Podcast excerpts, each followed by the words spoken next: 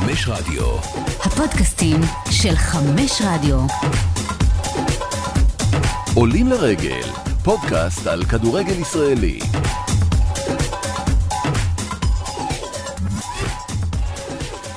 שלום לכם וברוכים הבאים למהדורה נוספת של עולים לרגל, שלום אסף אבולעפיה. אהלן יונתן.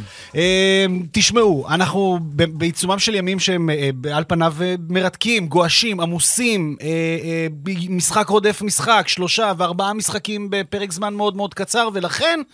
דווקא בעת הזו בחרנו הפעם לעצור רגע מתלאות היום-יום וללכת על, על, על נושא ועל עניין קצת קצת אה, רוחבי יותר, אפשר לומר.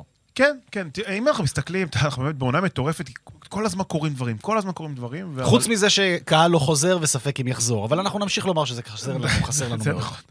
אבל אני חושב שהסיפור הכי גדול נכון לעכשיו בכדורגל שלנו, זאת אומרת, אם מסתכלים על כל הליגה, זה החזרה של בירם קיאל לכדורגל הישראלי. זה הסיפור הגדול ביותר מבחינתך אני העונה? חושב שכן. נכון לעכשיו, מה יותר גדול? תחשוב על זה רגע. אני חושב, זה פשוט קצת הלך לאיבוד, כי בני סכנין אה, בחרו להחתים את בירם קיאל בדיוק ביום שדני אבדיה הולך ל-NBA, ושנבחרת ישראל מנצחת סקוטלנד, ושמכבי תל אביב מקבלת בראש ממדריד, אז זה קצת נבלע. אבל כשאתה חושב על זה, בואנה, בירם קיאל, הגדול, הענק, הסמל, האגדה, בבני סכנין. מדהים. עכשיו, אני לא חושב שכולם מבינים עד כמה בירם כיאל, רק לצורך העניין, זה, זה נכון לגבי הרבה ליגיונרים, ואו-טו-טו נדבר על האתגר, ועל הכאפה, ועל ההתמודדות עם החזרה הזו, ובעצם אנחנו בכלל נפתח את כל עניין הליגיונרים ושובם לארץ, זה נושא מרתק, הרי פעם באמת היה מדובר בעילית שבעילית, הטובים שבבנינו, מה שנקרא, היו יוצאים לשחק בחו"ל. אה, באייטיז, זה באמת השחקנים הכי טובים בליגה, אז אפילו לתקופות קצרות, אז אתה שחק כמובן רוזנטל על כולם, ושלום תקווה ואלי אוחנה, וגם שחקנים בליגה של משה סיני ו- ומוטי וניר ו- ואחרים ש- שמצאו את עצמם בחוויות אירופיות כאלו ואחרות. אבל uh, העניין הגדול ביותר היה החזרה. החזרה לא של אלו שלא נקלטו, כי כאלה יש, אתה יודע, בלי, אפילו הפועל ירושלים היום, סתם בצורה, אני, אני חייב, הנה. להפועל ירושלים יש ליגיונר, היו. ליגיונרים חוזרים לאורך השנים. קובי מויאל מניו יורק קוסמוס עבר להפועל קטמון. אה, אה, אה, אמיר בן שמעון, המגן השמאלי, היום בקריית שמונה. סלובקיה? יפה, באינטר ברטיסלבה. אפילו עדי קונסטנטינוס בעונה הבאה, או בינואר, כשיחזור מחו"ל, הוא ליגיונר חוזר מאולימפיאקוס לימסול, או ניקוסיה, או משהו כזה. אבל פעם זה באמת היה למיוחדים שבמיוחדים. וחלקם גם סיפורי ענק. וה- והחזרה לארץ היא לרוב אירוע מטלטל. מה שמדהים באלה שחזרו, ועכשיו אנחנו, יסלחו לנו כל השמות הדגולים שיונתן אה, דיבר עליהם מקודם, נדבר על הגדולים ביותר, באמת הגדולים ביותר. כי קודם כל צריך לזכור, אנחנו נלך קצת אחורה בשנים, אנחנו נגיד שנות ה-90, תחילת ה-2000, רוב הזמן הזה לא היו זרים כמה שאתם רוצים, כמו שיש היום, שכל אחד יכול להחתים 15, 16, 17 זרים, להביא ישראלים, דרכון פולני, דרכון פורטוגלי, כל דבר. היו, ליגה איטלקית למשל, שלושה זרים. נכון. עד אה, חוק בוסמן עד חוק בעצם, בוסמן, חוק שטרף את בוסמן הקלפים. טרף את הקלפים לגמרי, שינה את הכדורגל הישראלי, אבל... הרבה, הכדורגל שינה את הכדורגל העולמי, העולמי כן. כמובן. אבל, אה, אבל הרבה מאוד היו יוצאים, וכל מי שיצא, נגיד, נחלק את זה לשניים. וחוק בוסמן, אנחנו אומרים, אה, 1995, אה, אז הייתה, התקבלה החלטת בית המשפט נכון. אה, אה, אה, האירופי, ו- ו- ורק לאחר מכן, רק לאחר מכן התחילו להכיל את זה. זאת אומרת, אמצע, כמעט עד תחילת שנות האלפיים, מעבר של ישראלי לחו"ל הוא וואו, וואו הוא. פרוצדורה אדירה גם. ומי שיצאו, יצאו באמת כוכבי העל. השחקנים הכי טובים שיש לכדורגל הישראלי להציע. עכשיו, יצאו, חגגו, שמחו, הצליחו, הצליחו פחות. בסופו של דבר הם הגיעו לשלב שהם כן חוזרים לארץ. כמעט כולם חזרו לארץ. ואני חושב, יונה, שאפשר לחלק את זה כמעט לשניים. אלה שמאוד מאוד הצליחו גם בארץ, ונתנו פיניש לקריירה, אתה יודע, שהכניס אותם, ל... הפך אותם לאגדה עוד יותר גדולה ממה שהם היו. וחלק שהתרסקו, חלק שיזכרו ויגידו, שמסתכלים ככה לליגיונרים שמשחקים עכשיו, נניח לכל הפוטנציאל, ביברס נטחו עם כאלה, ונו, נו, נו, אל תחזרו, לא כדאי לכם, אל תעברו מה שאני עברתי. ואנחנו ככה ננוע בשעה הקרובה בין החוויות. שבין השמחים והסמלים למתרסקים והבוכים. והדבר המעניין הוא שבסופו של דבר, מבחינת אה, ליגיונרים, אנחנו גם, אם שוב, אנחנו מספקים את ההסתכלות הרחבה הזו, אז בהסתכלות הרחבה יש כמה מצבי צבירה. יש את מצב הצבירה הבסיסי, או, או לפחות נגיד את סיפור ההצלחה של זה שמצליח נקודה וזוכה לתהילה ותהודה גם פה. אין הרבה כאלה, באמת הגדולים שבגדולים, אה, אה, שהם קונצנזוס פה וגם בחו"ל, ו, ואז כמובן אחרי זה מגיע, מגיע סימן השאלה לגבי החזרה שלהם, כמו שאתה אומר, האם לעשות את החזרה ולהיחוות ולהישרף כמו אחרים שנשרפו, או אולי דווקא להצליח כמו אלו שנשרפו, ש, ש, שהצליחו, סליחה, שאין הרבה דוגמאות כאלה, ויש את אלו שנמצאים שם בחו"ל וחווים את חוויית ההתאקלמות המלאה, אבל את חוסר הערכה מהארץ. עיין ערך, ביברס נתחו, מונס דבור, ואז גם תבוא שאלה גדולה לגבי החזרה שלהם לארץ, אם וכאשר ולאן. וכשאנחנו חוזרים אל העניין האקטואלי של בירם קיאל, אה, תשמע, עשר שנים הבן אדם בחו"ל, עשר שנים באי הבריטי, עשר שנים של, של הצלחה יחסית, כלומר של אליפויות בסלטיק. בטח. אה, ואז... אלופות. כן, בדיוק, וכמובן גם אה, סיפור הצלחה יפה מאוד בברייטון. עכשיו, עוד לפני הקורונה, ממש רגע לפני, יצא לי להיות בברייטון, ויצא לי להיות משחק בית שלהם. עיר והוא כבר... נמל מקסימה, נכון? מה זה? עיר נמל מקסימה. זה, זה, זה עיר, עיר עם, זה, יש שם גם נמל, אבל זו עיר, זה עיר עם חוף ים. זה, זה אחת אמיתי. הערים היפות באנגליה מבחינת זה שאתה יכול ללכת, ממש לראות שם טיילת אה, אה, מדהימה ומלהיבה. טיילת מדהימה ומלהיבה. וממש לא נוף אנגלי ולא עניין אנגלי, אבל זה, זה, זה, זה, זו ברייטון. אגב, לדעתי יש לו גם בית שם, אה, אה, והוא נשאר לגור שם גם כשהוא שיחק בלונדון. אוקיי. והוא סמל שם, הוא לג'נד, כלומר כשבירם קיאל מסתובב בברייטון, הוא אגדה של ממש. אה, כמו שאני מניח שעד היום ודאי אה, הוא ילך ברחובות, אה, לפחות ברחובות הנכונים של גלזגו, של אלו שירוקים מביניהם, אה, הוא עד היום אה, יהיה מאוד מאוד אה, מוערך. ואז מגיע סימן השאלה הגדול. הרי באנגליה יש מין חוק כזה, חוק לא כתוב, שאומר, תשמע, אם הצלחת בפרמייר ליג, אז בטוח שיהיו לך הצעות בצ'מפיונשיפ. אם הצלחת בצ'מפיונשיפ, אז בטוח שאתה באמת עד יומך האחרון תהנה מהצעות מליג 1 וליג 2 ומטה, ואז בעצם כאילו למה ללכת, לאן לעזוב. ראינו את זה במקרה ברקוביץ' ו- ושירד ליגה, כמובן אז עם בלקבורן ועלה איתה, וסיטי שירד איתה ועלה איתה, ואותו דבר גם, אה, גם בניון שיחק בליגה השנייה, וכמובן גם אה, תומר חמד ובן סער ואחרים, כאילו, אתה יודע, אתה, אתה, השנייה. נכון? ואתה שם, אתה מסודר. ו- ו- ו- ומכאן, שהחזרה של בירם קיאל הייתה מאוד מאוד מפתיעה. אז קודם כל, ודאי יש פה אולי אלמנטים בריאותיים, פיזיים, ש- שאנחנו לא יודעים אותם עד הסוף. אבל הייתי בטוח שתשמע, עכשיו שלום עם המפרציות, מה, בירם קיאל לא מתאים לו להיות, אה, אה, אתה יודע, באיזה דובאי, כן, דו- דווארות כמו... כן. דווארות. מילה יפה. אה? עם דיה סבא, ראית אותו חדש? נהדר. כן, אז למה לא? אני חושב שיש געגועים. געגועים, אה, איש מבוגר. הוא איש משפחה. הוא איש משפחה, הוא דיבר על זה שאשתו רצה לחזור, הוא דיבר על זה שפירלו רצה לחזור, פירלו זה בנו הבכור. בנו הבכור, ש- בירה מוריד את הכובע, אם- אם אם השם פירלו היה הולך עם אבולעפיה, יכול להיות שהייתי קורא לבני הבכור פירלו, באמת, זה אחד באמת שם מקסים ומרגש. אבל אה, תראה, בירם לקח החלטה עכשיו, כשאתה אומר, בירם חוזר לארץ, לאן הוא חוזר? מכבי חיפה כביכול. כן. מכבי חיפה כנראה לא רצתה אותו. כן. ואז בירם עשה החלטה מעניינת, כי אני חושב שהוא כן יכל היה להתפשר, בגרשיים כפולות ומכופלות, על קבוצה אחרת, אבל הוא אמר, בוא נראה. במשך כל כך הרבה שנים הוא הניף את דגל המגזר. אז בואו נלך לקבוצה של המגזר. עכשיו, יהיה מאוד מעניין לראות ולשמוע את בירם, הוא מתאמן כמה, כמה ימים, אז בטח יש התרגשות וזה, ומשחקים ראשונים. אין עכשיו קהל, זה משמעותי, אבל אתה מתאמן מצד אחד במתקנים של ברייטון, סלטיק אה, וכדומה, פסגת הכדורגל העולמי. ואז אתה מתאמן בדוחה. הפער, במגרש הפער עצום. עצום, מנטלית עצום. השאלה, מי מצליח לגשר על הפער הזה, ולמי קשה. עכשיו, אני לא יודע איך בירם, היה מקצוען בכ- בכל רמ"ח איבריו. אני לא יודע איך הוא יקבל את זה, וזה מה שיהיה יהיה מעניין לראות. וכשאתה מדבר בעצם על הפער הזה שבין החוויה לבין, זאת אומרת, בין, בין איך שאותם ליגיונרים עם השנים תופסים כדורגל למה שהם נתקלים בו, זאת אומרת, תופסים כדורגל בעקבות החוויות שהם חוו לאורך השנים הארוכות שלהם בחו"ל, ואז מגיעה המהלומה הזו, כשאתה חוזר פתאום לי"א, לקופסה בנתניה, נגיד באותם שנים, י"א בעצם עדיין רלוונטי, לקופסה, לאורווה, ואתה צריך, אה, אוקיי, לייצר אנרגיות אחרי שהיית אה, באולד טראפורד או בסן סירו, אה, או אפילו- או אפילו באייברוקס של ריינג'רס, ואז פתאום להגיע ל- ל- למכתש. זה לא פשוט. זה לא פשוט, ו- ועבור חלק, אה, אתה יודע, נגיד, אה, אחד הד- הדברים היפים ש- שאייל ברקוביץ' יודע להסביר, תמיד אומר, אני רציתי ו- ושאפתי וחלמתי ל- לסגור מעגל עם, עם מכבי חיפה, ואחר כך, אה, וזה לא בדיוק הלך, ואז אמרתי, טוב, נלך ליריבה החזקה של מכבי חיפה, אבל...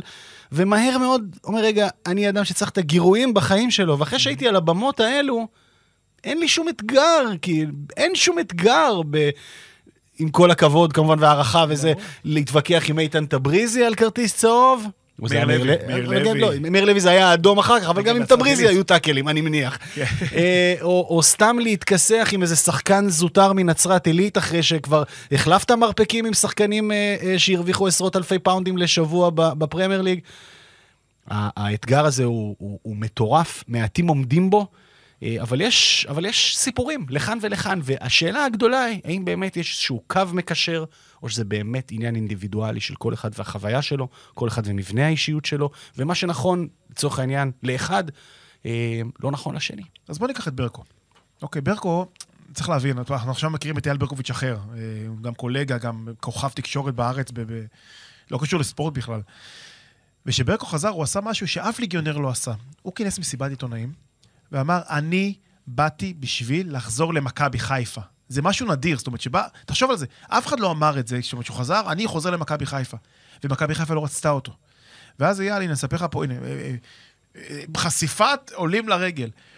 הרבה קבוצות רצו אותי על ברקוביץ', אחת הקבוצות הייתה אפילו הפועל תל אביב. מושיק תאומים נסע ללונדון בשביל להחתים אותו בהפועל תל אביב. והוא אמר, אייל אז מספר, שהדבר היחידי שגירה אותו זה באמת מועדון בקנה מידה של מכבי תל אביב. בלי לפגוע בהפועל תל אביב, עדיין מכבי תל אביב זה מועדון יותר גדול, יותר מאותר, יותר... אנחנו מדברים על, על, על איזה שנים בעצם? על שנת הגלקטיקו, זה עד תחילת שנות נכון, האלפיים? נכון, נכון, נכון. דווקא אז היו שנים גדולות של הפועל תל אביב. אה, לא, אבל כמועדון, הפועל כקבוצה הייתה אדירה. אבל כמועדון, מכבי תל אביב זה מועדון יותר- מועדון יותר גדול. ואז כן. באמת אייל הלך למכבי תל אביב, כי לא הייתה לו ברירה. והוא פתח את הקדנציה במכבי תל אביב, אם אתה זוכר, ניצח בטדי 1-0, טדי מפוצץ, ניצח דרבי במחזור השני מהמם. 2-0, רם מיכליס שם נוגח אחורה, ריבונו של עולם, מה אתה כולם עושה? זוכרים את הנגיחה הזו של הקרן, רם מה. אתה עושה? ונימני דקה 86, לא משנה.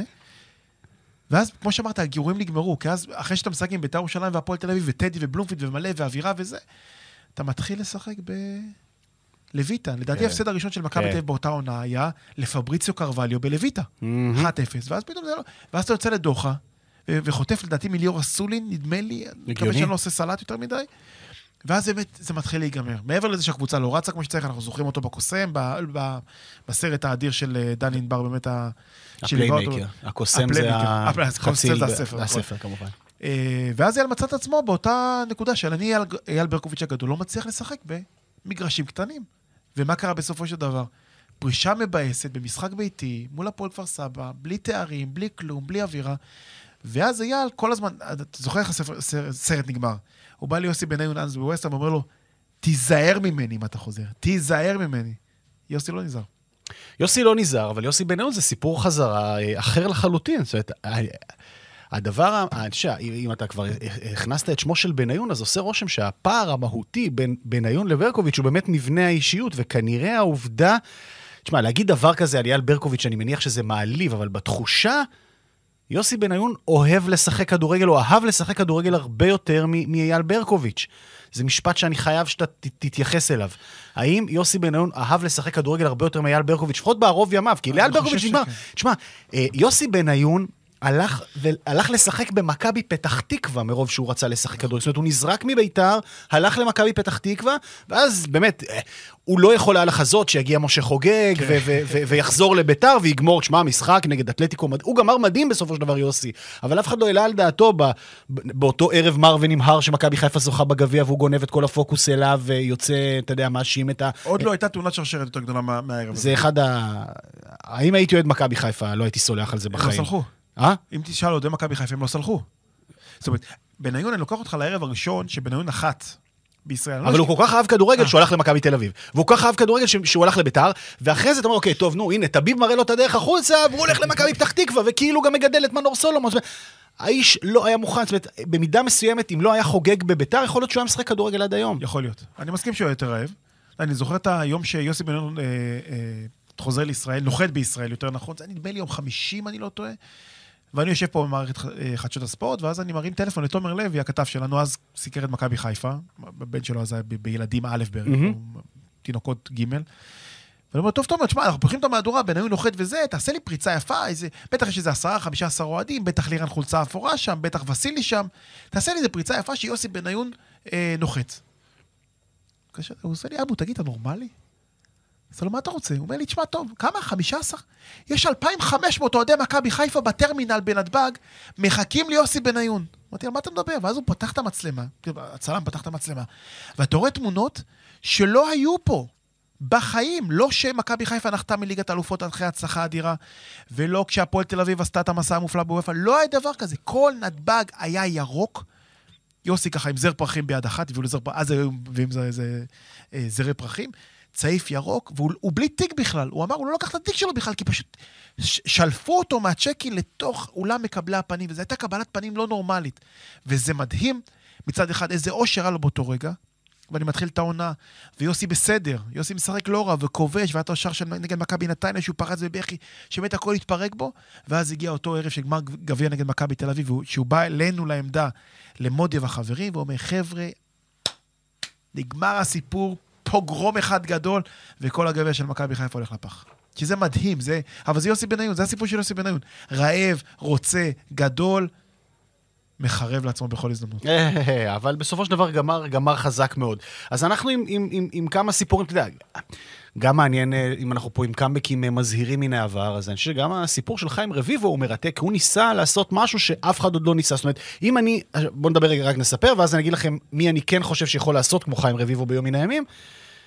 חיים רביבו אה, אה, באמת עשה, עשה קריירה אדירה בחו"ל. אה, בסלטה ויגו כמובן, ואחר כך גם, ב, גם בפנרבחצ'ה וגם בגלת עשרה, מי שרק מבין טיפה את הדינמיקה הטורקית, ו, או, או נאמר זאת כך, מי שמאזין קבוע אלינו מבין את, ה, את המשמעויות והעוצמות של, של הדרבי של איסטנבול, של הדרבי הזה של איסטנבול, שיחק בשני הצדדים, היה אהוב בשני הצדדים, מטורף לחלוטין, ואז הוא חוזר בעצם אה, אל יוזמה אה, על, על יוזמה, היוזמה של האיחוד של, של קבוצות הכדורגל באשדוד בעצם. כי הוא חלק מהבעלים. נכון, יחד עם ג'קי בן זקן, ומשלבים שם בין הצהוב לאדום, איחוד אה, שעובד עד היום, איחוד ש, שבעצם נולד עבור חיים רביבו, בניסיון נכון. שם למתג מחדש את העסק, אבל בדיעבד הוא כישלון מהדהד, חוץ מברמה המקצועית-כלכלית אה, של, של משפחת בן זקן ו, ומקורביה, אה, ברמה, ברמת הקהל הוא לא עובד, אבל...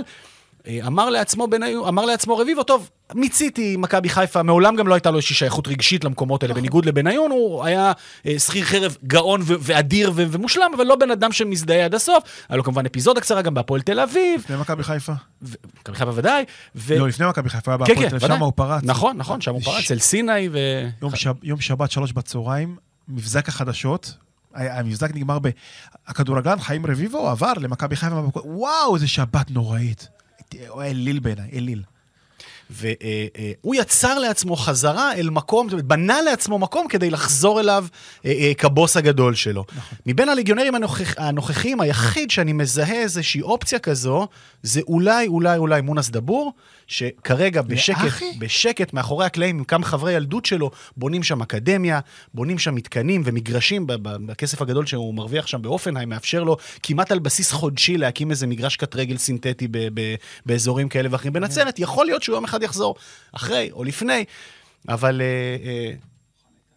אה, אה, הסיפור הזה של החזרות לארץ והאופי שלהם מרתק לחלוטין. אז חיים שיחק חצי עונה באשדוד, בגלקטיקוס. ומיצה. אבוקסיס, חזן, אסי דום. איציק זוהר. איציק זוהר. ז'אנטה לסניקוב, אלישע לוי על הקווים. כבש שישה שערים לדעתי באותה עונה, היה נהדר. בסופו של דבר, אם אני זוכר נכון, הם הפסידו 5-2 לאחי נצרת, אלישע הלך הביתה והכל התפוצץ. מעטים סיפורי הצלחה של ליגיונרים שחזרו וכמובן הרימו אותם על הכתפיים בהתחלה, אבל הרימו אותם גם על הכתפיים בסוף. Mm-hmm. מעטים. מעטים מאוד.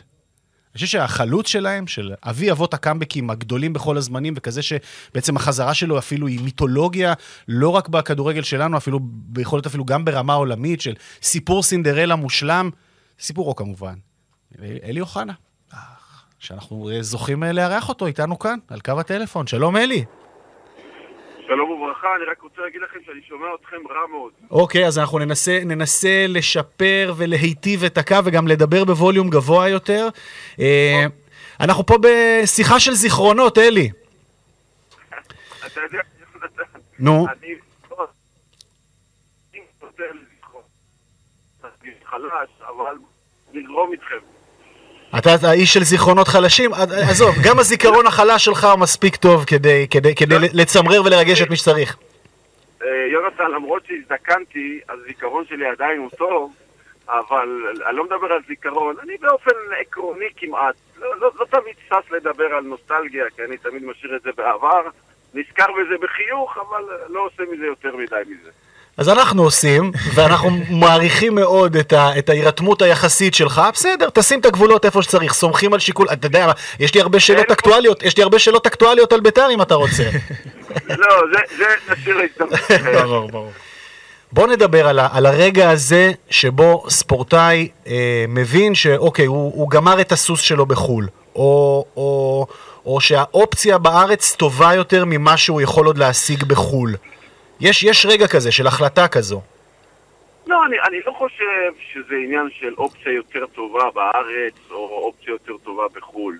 אם אני אקח את המקרה שלי, אני יכולתי להישאר באירופה גם עוד חמש וגם עוד עשר שנים ואולי גם לגמור את הקריירה, והאמן לי, גם היו לי הצעות בזמנו בקבוצות טובות, עם שכר הרבה יותר גבוה, אבל אתה יודע, בחיים אתה גם בדרך כלל, אה, בדרך כלל אנשים נמצאים עם בני זוג ובת זוגי של אז, שהייתה גרושתי לש, אה, לשעבר, אה, אשתי לשעבר, שמאוד מאוד רצתה כבר לחזור, ואני עשיתי את השיקול שלי, היא רצתה מאוד לחזור מהשיקולים שלה, אני עשיתי את השיקולים שלי, אני רציתי להגיע למקומות יותר גבוהים מבחינת הקבוצות, הכוונה שלי והרצון שלי היה להגיע לקבוצה באיטליה, או בגרמניה, או בצרפת. זאת אומרת, לא רצית, לא, לא, לא תכננת לחזור לביתר כשהם ירדו ליגה, מבחינת האידיאל, הרעיון. בתכנון זה לא היה. וכשסיימתי את השנה הזאת בפורטוגל, שזאת השנה האחרונה שלי באירופה, מכלן, שהייתי שייך אליהם למעשה, אה, הציעו לי חוזה ארוך טווח שפסלתי על הסף בשום מקרה ובשום אופן לא רציתי כבר לחזור למכלן. היו עוד כמה הצעות, גם מצרפת וגם uh, במקומות אחרים, אבל לא הצעות שעשו לי את זה במובן הזה של יאללה, אני הולך ומפתח את הקריירה שלי ואני רוצה שהיא תגיע הכי גבוה שאפשר, כי מאותם מקומות שהייתי כבר בן 27, צריך לזכור, כבר לא האמנתי שאני יכול להגיע למה שתכננתי, ואז קיבלתי את ההצעה מביתר ירושלים, ועשיתי את זה בשמחה, לי זה היה ברור, אתה יודע, היום קל לומר את זה אה, כשמסתכלים לאחורה, אבל לי זה היה ברור שכשאני חוזר לארץ, אם אני חוזר עדיין בגיל שאפשר להשפיע ולשחק ולעשות, זה רק לבית"ר ירושלים. ואני יכול לומר לכם שאז היו לי הצעות גם מהארץ. אה, פעם וחצי או אפילו פי שניים בשכר, בקבוצות גדולות, אבל שמעתי, הקשבתי, אבל היה לי ברור מאוד שאני אסיים את דרכי בבית"ר ירושלים. זה, אני לא יכול להסביר את זה מבחינת התחושות, אבל התחושה הייתה כל כך חזקה שזה הדבר הנכון, שזה המקום הנכון, ולומר את האמת, אני ממש ממש לא מצטער על זה. אז אלי, בוא, בוא נחזור אחורה. בוא, בוא נזכיר למי שלא מכיר את הסיפור של אלי אוחנה כביכול. זה מדובר בקיץ 1991 בסך הכל. ביתר אחרי ארבע עונות בלי אלי אוחנה, וכמובן ירידת ליגה האחרונה שלה, אגב, היא לא ירדה כמובן. כמובן אז. נזכיר איך, איך, איך היא ירדה ומי הבקיע את הגול כשהיא ירדה? לא, אין צורך. נו, אין תזכיר, צורך. תזכיר, תזכיר. לא, לא, למה, למה לדרוך? אלי, לא. לא התכוונתי, זה יונתן שם לנו את המלכודת הזאת, אבל בסדר. אוקיי. חוזר, למועדון משה דדש, ואז עושה הכל בשביל להחזיר את אלי אוחנה. אלי, תקן אותי אם אני טועה, אבל מי שהחזיר אותך למעשה, אה, יורם גלובוס, מפיק הסרטים, עזר להחזיר אותך לביתר, זה נכון? הסיפור נכון? אני צודק?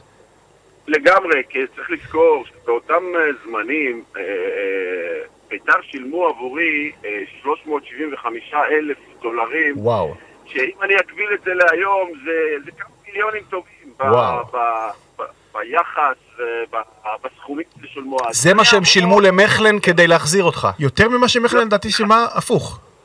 אני חייב לומר עוד דבר, הסכום היה 375 אלף דולרים, כש-300 מימן יורם גלובוס, שהיה מהספונסרים של בית"ר ירושלים, ואת ה-75 אלף דולרים הנוספים אני מימנתי. בעצם זה שוויתרתי בכל עונה שחתמתי לשלוש שנים, מהמם. על 25 אלף דולר, וואו. כדי שנוכל לבצע את העסקה. כלומר, כל כך רציתי להגיע לביתר, שאפילו ויתרתי על קצת כסף מעבר למה שכבר ויתרתי בהצעות שקיבלתי, כי עוד פעם, היה ברור לי שאני חוזר הביתה. וכשאתה חוזר הביתה, אז הנושא הכלכלי הוא חשוב, אבל הוא לא הופך להיות הכי חשוב. יש עוד דברים נוספים, ככה הרגשתי אז, ככה אני מרגיש גם היום, וככה אני ארגיש כל זמן שאני חי לגבי בית"ר ירושלים. כן, ואחת הקבוצות שנורא רצו אותה, אתה יודע מי זאת, יונתן? הפועל תל אביב. הפועל תל אביב. הפועל תל אביב נורא רצה את... אתה קולט אלי אוחנה לובש אדום? שתמיד היה לו יפה, תמיד אמרתי לו גם. כן. אלי, אדום יפה לא לך. אדום שלכם, אדום, אחר. אלי, כמה זה היה קרוב באמת, אם אנחנו חוזרים אחורה, שאתה תלבש אדום, שמשה סיני לדעתי היה מאמן, תחשוב איזה ציוות זה, סיני מאמן? סינה יאמן את זה, עורך דין יוסי שפרלינג היה אז יושב ראש, מונה על ידי ההסתדרות, אני לא זוכר על ידי מי. ישבתי איתם כמה פעמים, ההצעה הייתה פשוט מעולה, וואו. מבחינה כספית ומבחינה כלכלית, אבל כמו שאמרתי בתחילת הדברים, אה, זה, זה לא עניין של אדום או לא אדום, היה ברור לי שאני נשאר צהוב, זה לא משנה איזה צבע, וצהוב בית"רי, צהוב שחור, זה לא צהוב כחול כמו של מכבי. עכשיו תגיד, אוקיי, אה, את, נגיד, נגיד ואת את השלב הזה של ההחלטה לחזור הביתה, זה, זה קורה אצל כולם, אתה יודע, באמת, וזה חוצה ליגיונרים, אוקיי, מיצינו, אם זה לחץ המשפחה, אם זה החלטה אה, מקצועית, אם זה מיצוי, אם זה שעמום, חוסר התאמה, לא משנה, ההחלטה התקבלה. הקושי הגדול ביותר שנגיד הקולגות שלך, זאת אומרת שחקנים אחרים שהיו בסיטואציה הזו של לחזור לארץ אחרי uh, קריירה הישגית בחו"ל, זה החזרה מה... לא יודע, הקדמה, הקצפת, הקצפת. הקדמה והמודרנה והאיכות של מה שיש שם בחו"ל, מבחינת המתקנים והמעטפת, ופתאום אתה חוזר אל השדות וללכלוך שם של בית וגן. זה לא כאפה? זה כאפה, זה כאפה, בהתחלה זה כאפה, כי באמת בארבע שנים שהייתי בחו"ל, אתה באמת נחשף לתנאים, אה, בטח של אז, צריך כן. לזכור שהיום התנאים בישראל הם פי, פי שלושת אלפים בערך ממה שהיו אז. אז באמת התנאים היו לא טובים, המגרשים היו לא תקינים, חדרי ההלבשה היו יש, מיושנים וישנים, הציודים, אה, חדרי הכושר, אם היו בכלל חדרי כושר, אה, שהיו אז היו רק כמה מכשירים אה, מסוימים, אין ספק שבהתחלה זה נורא נורא קשה, אבל אתה מהר מאוד מסתגל, אנחנו בני אדם, הגנום האנושי בסופו של דבר באמת מסתגל לכל דבר. אם לקחת אתכם לשנייה למה מהמם. באמת אצלי זה הצליח מאוד ואצל אחרים פחות, אני חושב קודם כל סיבה ראשונה, אני חזרתי למקום שבו הפכתי להיות מי שאני. כלומר, כשאני עזבתי את בית"ר ירושלים, עזבתי כאייקון, עזבתי כגיבור, עזבתי כאחד מאוד מאוד פופולרי בעיני האוהדים שלנו, וגם כשהייתי חוזר, אגב, כשהייתי חוזר לחוץ לארץ לחופשות, לפעמים היו מחכים לי 100 ו-200 אנשים בשדה התעופה. כלומר, זה היה מטורף בתקופות האלה. זה לא דומה למה שהיום, היום כל שנייה נוסעים לחו"ל וכל שנייה אה, מחליפים קבוצה ו- ו- וכל שחקן יכול נכון. להשתלב באירופה. בזמנו רק שלושה מכל העולם יכלו להשתלב בקבוצות באירופה. נכון. כלומר, לא היה את בוסמן והמעבר החופשי. כלומר, להיות באירופה אז זה היה דבר מאוד מאוד... רק האיכות מאוד. שבאיכות. אתה מוסיף, רגע, אבל יש פה עוד, עוד נתון אחד שאתה בטח רוצה להתייחס אליו, שאסור לשכוח אותו והוא מאוד משמעותי, בטח באופן שאתה נוהג לנתח דברים. הצטרפת לקבוצה מצליחה, כלומר, טחנתם את הליגה הארצית בשנה הראשונה, מה זה מצליח? יונתן, ליגה ארצית. אבל, זה אבל, ליגה אבל, ארצית. אבל, אבל הצליחו, ברור. ומיד אחרי זה אליפות גם. כן, אבל הצטרפתי לקבוצה שהייתה בליגה הארצית, שאני זוכר... ב- ב- ברעיון ליגה ארצית אז, ליגה שנייה, כן. ליגה ארצית, ואמרתי, ל- ל- ל- ואמרתי בריאיון שאם חלילה לא נעלה ליגה זה יהיה כישלון אישי שלי. ככה באמת הרגשתי, ואני שמח שבאמת הובלתי את ביתר לעליית ליגה, אבל התחלתי לומר, כן. הסיבה הראשונה זה שהייתי אייקון בביתר ירושלים, חזרתי למקום שאני נערץ, שאוהבים אותי, שמכבדים אותי, ש... ש... את כל הסופרלטיבים שאתה יכול לתאר מבחינת אוהדי בית"ר ירושלים, מה שלשחקנים אחרים כמו ברקוביץ' שחזר למכבי תל אביב, אה, רביבו שחזר לאשדוד, לא חזרו לקבוצות האם. בניון קצת למכבי חיפה גם אם לא קבוצת האם, אבל הוא נכון. חזר בגיל הרבה יותר מבוגר ממני. והנקודה השנייה, גם רביבו, גם ברקוביץ' וגם בניון וגם אחרים, הם הגיעו בסוף הקריירה לישראל. כלומר, בכל מקרה הם היו בסוף קריירה.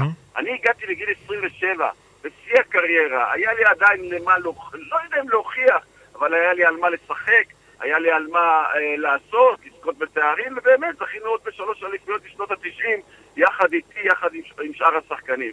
ואני חושב שתי הנקודות האלה הן מאוד מאוד משמעותיות בחזרה של מי שהצליח מאוד באירופה, כדי שימשיך את ההצלחה שלו פה בארץ. אני חייב, אני חייב לספר לך, יונתן, וגם לאלי, אני פעם ראשונה שאני ראיתי את אלי אוחנה משחק כדורגל על מגרש, כן, היה במכתש. אוקיי. עכשיו, אני לא, אני כילד, הייתי ילד בן אה, עשר כזה, משהו כזה, כל השבתות שלי היו מתחילות במכתש, כמו שאלי יודע, אחר כך ממשיך בבלומפילד. בא בית"ר ירושלים למשחק נגד הפועל רמת גן. גבעתיים, העיר הכי מנומנמת בארץ. באמת, אי אפשר להעיר שם אף אחד, ונחיל של איזה 5,000, 6,000 אוהדים של בית"ר צובעים את כל המכתש, יושבים שם על הקיוסק, ואז רק בשביל לראות את אלי אוחנה. אלי, נדמה לי נגמר אחת-אחת. הוא, נדמה הוא לי. לא זוכר, הוא לא זוכר. נדמה לי, נדמה לי גם רונן שוואי כבש את השוויון, אבל בסדר.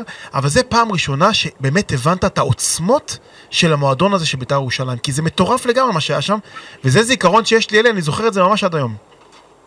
כן, תראה, היו, אני בעניינים האלה לפעמים אוהדים מזכירים לי דברים שאני שכחתי את זה מהלכים, אם זה דברים, כי באמת, אז בואי, אז- אז אלי, אני אתקיל- אותך. לא, תנו לי קצת, בדרך כלל אני לא עושה את זה, תנו לי קצת להחמיא לעצמי. תעשה את זה. בבקשה.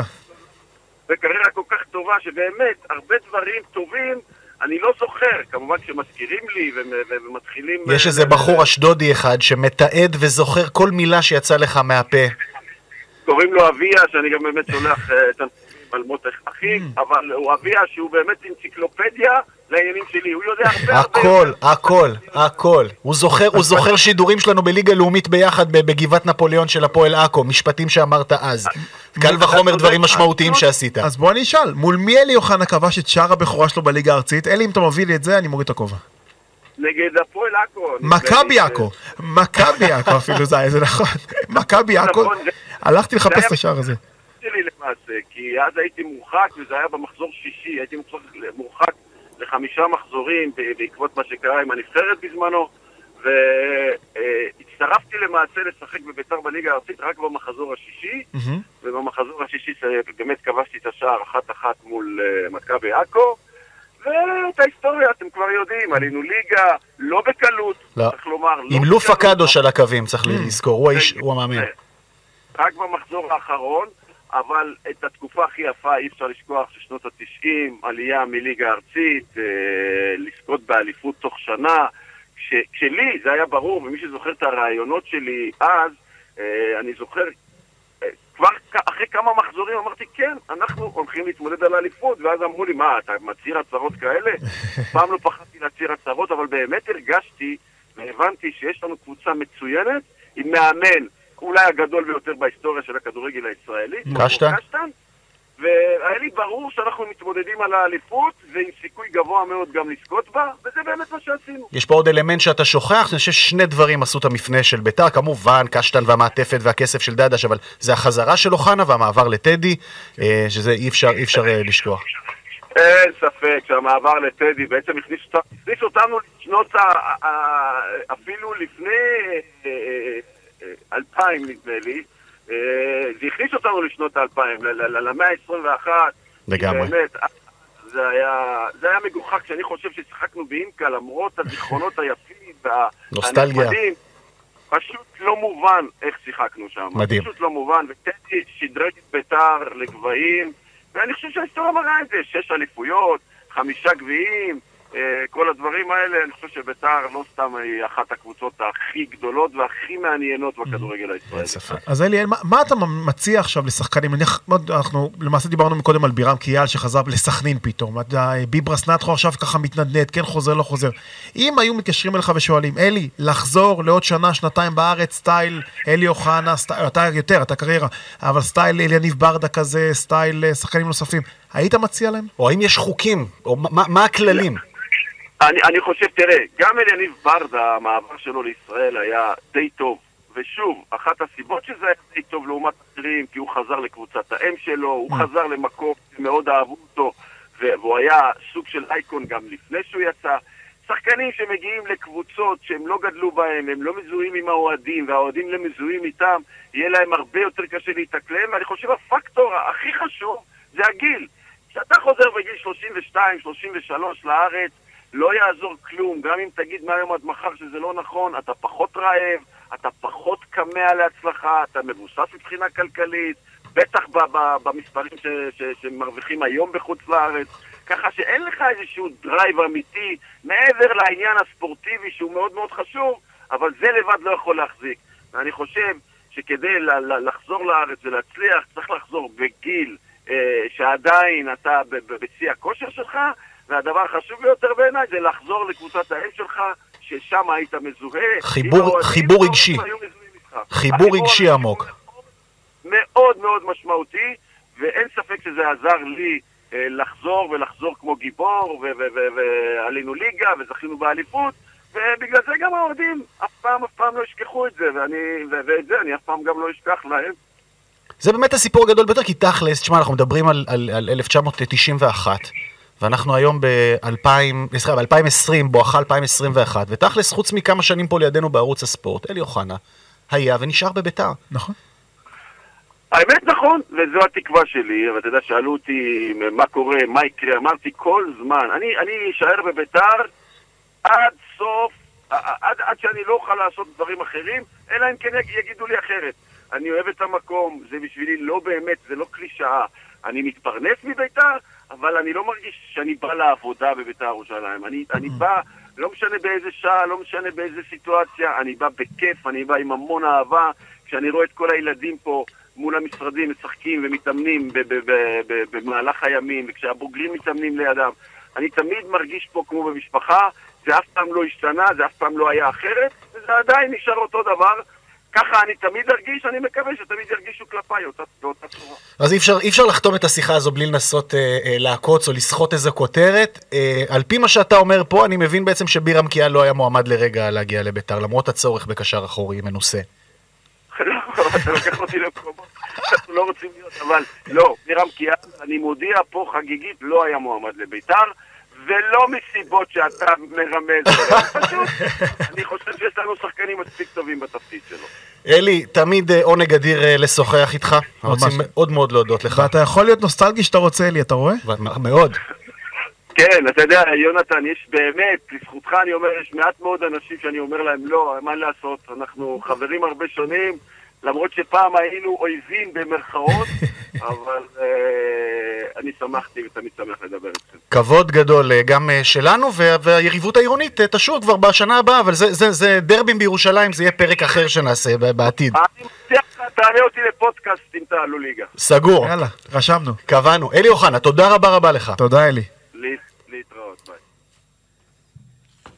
האיש נוסטלגי. האיש נוסטלגי. האיש נוסטלגי. אה, משהו, משהו גם שם השתחרר, הוא ידע, הוא ידע א' להעיד על עצמו יפה שהוא לא, שהוא לא באמת נוסטלגי, ואני זוכר את עצמי בהרבה מאוד שידורים כאן איתנו, מנסה ככה לחפור בעבר, ו, ולא תמיד, אה, ולא תמיד, אה, לא תמיד הייתה שם את, ה, את ההזדהות עד הסוף, או את ההבנה העמוקה עד הסוף של מה שאנחנו הרגשנו מהצד כאוהדים, או כאנשים שמלווים את הענף, ו... אה, אני חושב שאולי דווקא החזרה שלו לכדורגל וההסתכלות שלו, ההתבוננות שלו מבפנים על דברים, נכון. גרמה לו אה, לפענח ולהבין אה, דברים אחרת בעשייה שלו. הוא אמר דבר מאוד מאוד יפה, שכל אחד צריך לחזור לקבוצת האם שלו. עכשיו, לא תמיד קבוצת האם מחברת. זאת אומרת, נתנו דוגמא את ברדה. ברדה, זה היה ברור שהוא חוזר להפועל באר שבע, אבל הוא הגיע לפועל באר שבע באמצע הפרויקט של אלונה ברקת, לפני שבכלל דיברו על תארים, לפני שדיברו על אה, ברק בכר וכוכבים וזה. אתה אומר בעצם, אם אלי אוחנה הגיע לביתר ירושלים, מרוסקת בליגה שנייה עם שאיפות להצלחה, אבל כשהיא במקום הכי נמוך שלה, כן. בעצם אלניב ברדה הגיע כדובדבן על העוגה שהרבה לא, מאוד הוא זמן... הוא היה העוגה. הוא לא היה דובדבן, כי הוא הגיע לפני שהכוכבים הגיעו, לפני שבוזגלו הגיע, ומליקסון, והוא הגיע כביכול בשביל אה, להפריח את השממה, סלח לי על הקלישה. עכשיו, צפיתי לפני שנכנסנו במסעת של אליניב ברדה מוצג בהפועל באר שבע. ואז הוא מספר, אם הגברת הזאת, שהוא מתכוון כמובן לאלונה ברקת, הגיעה לבאר שבע בשביל לבוא ולעשות דברים טובים בשביל העיר הזאת, אז מי אני שאני אגיד לא להפועל באר שבע? והפועל באר שבע חיבקה אותו כמו שהוא חיבק את הפועל באר שבע, ואיך זה נגמר? אליפויות, אה, תארים, אה, היום אגב זה ארבע שנים לניצחון שלוש שתיים על אינטר. וואלה. כאילו כלום. אני חושב שהדבר היפה פה, אלמנט נוסף, אפרופו בעצם כל ההתכנסות שלנו פה, ההצלחה בחזרתו של ברדה, הביאה לכך שבעצם גם, אה, אה, שוב, אני, אני לא זוכר כרונולוגית את הדברים, אבל גם מליקסון הגיע כליגיונר מאוד מאוד מצליח למכבי, כן. להפועל באר שבע. כן. הוא הגיע כ, כבן אדם שהיה כפסע מלהיות עם נבחרת אה, פולין ביורו. סליחה. אלוף פולין. אלוף פולין, משחק איתם בליגה האירופית, משם גם אה, לוולנסיאן בליגה הצרפתית, שחקן הרכב משמעותי בקבוצת, אה, בקבוצת אה, ליגה ראשונה בצרפת, וחוזר לבאר שבע ובום, מתאקלם רגיל. ובן סער, ש, שנדד בכל מקום, ותשמע, באמת אפשר לדבר על, על כישורי הנדידה של בן סער. בן סער זה שונה. למה? כי בן סער, אני רוצה להזכיר לך, שהוא בא להפועל באר שבע, הוא הלך ראש בראש, באר שבע למעשה, הלכה ראש בראש עם הפועל תל אביב. הפועל תל אביב הציע שכר לא יותר נמוך ממה שהפועל באר שבע הציע, mm-hmm. בזמנו. נכון, אז היה כסף בהפועל נכון. תל אביב, עכשיו יש קינים. והוא בחר בבאר שבע. והוא בחר בבאר שבע. והוא עשה צעד כביכול, שעל פניו, לפי, לפי מה שאנחנו מדברים בדקות האחרונות, זאת התאבדות.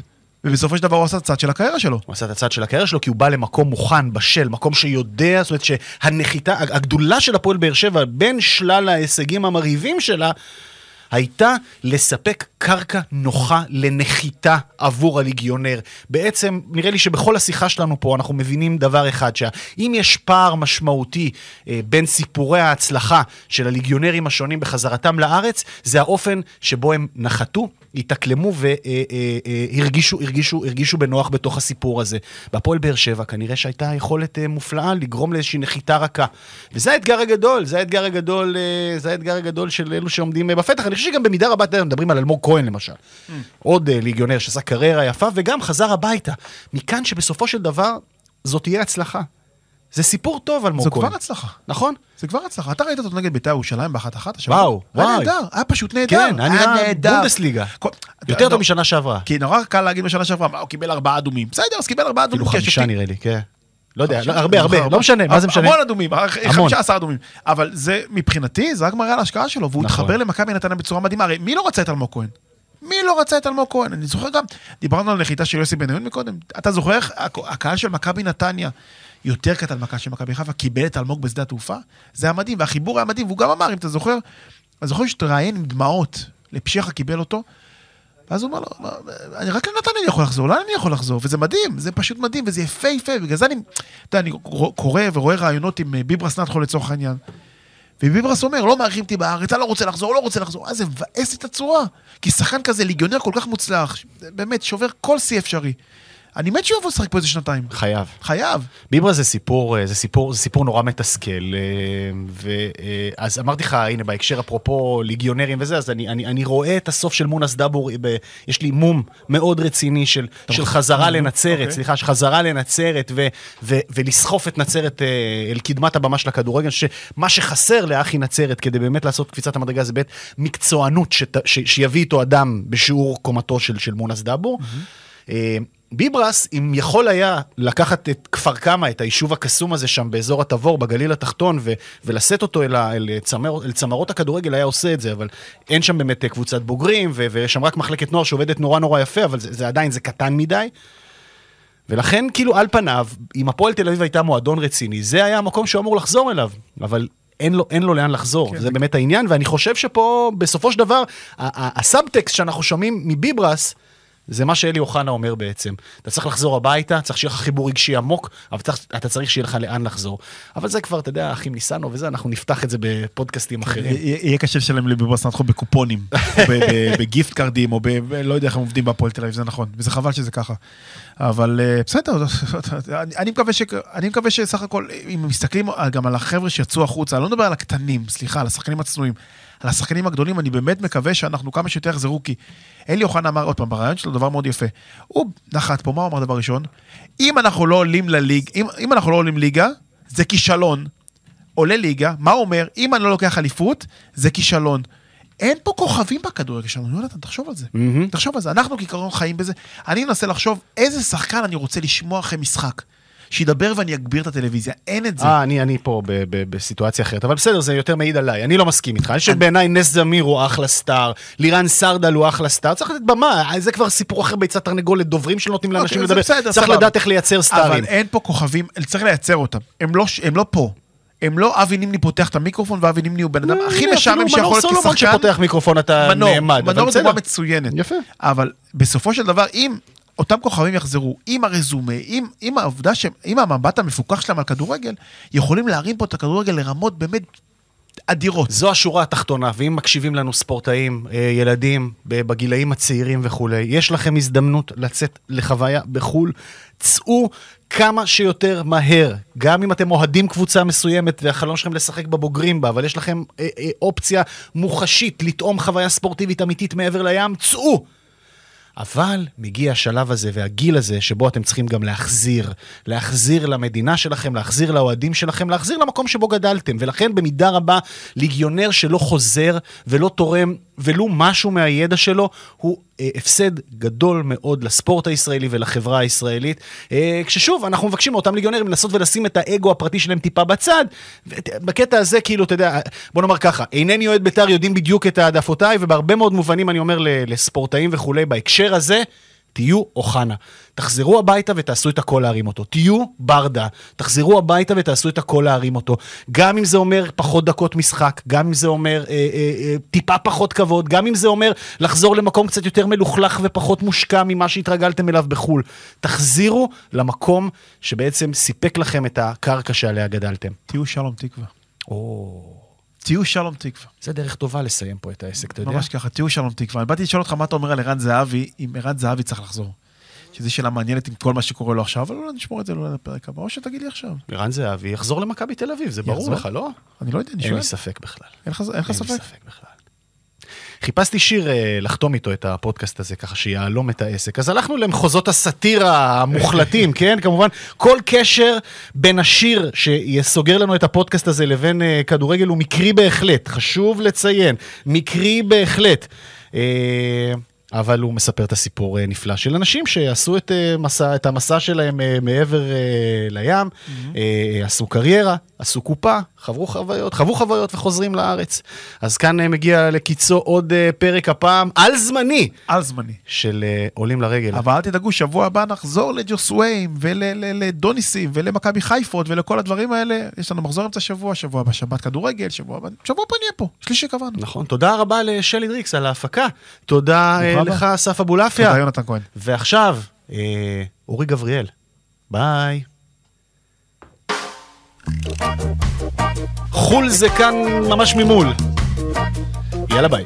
אין- אין חו"ל, אז לפחות זה. ביי. סימון וז'ק פגשתי ויצאנו את העיניים קצת לשטוף חתיכות מיד תפסנו ולהם כמו כלום הכנסנו שם יש אחוז שרמוטות בלי סוף רחובות שלמים כיסינו ומכות טובות עשינו. הכספים מתגלגלים ממש ברחוב.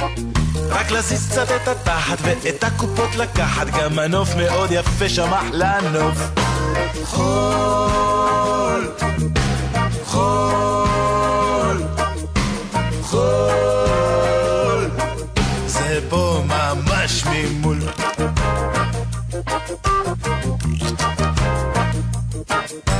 בקזינו ברולט על הקופה עשינו דיאטה ויצאנו עם מיליונים בכיסים. אבל את הכל שרפנו כשלהמבורג התעופפנו בבתי זונות פוצצנו את הכספים.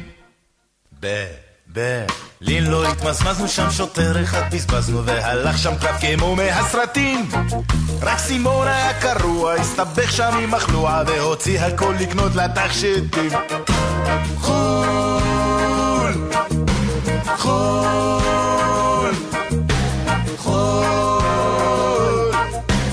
פה ממש ממול. ובצרפת לא, בספרד. או בצרפת או בספרד. לא זוכר כבר איפה, לא זוכר מתי. למה הסתבכתי, איך יצאתי חי?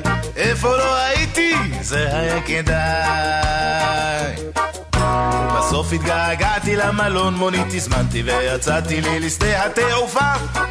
ופתאום נהג הטקסי, הוא אומר לי אהלן מקסי, בחיים לא תאמינו. זה היה בן דוד של ג'ינו, שיושב עכשיו שנתיים על שולבן בגבעתיים. בקיצור, סוף סוף הגעתי, ובאדמה נגעתי, את אמי טיק טק נשקתי.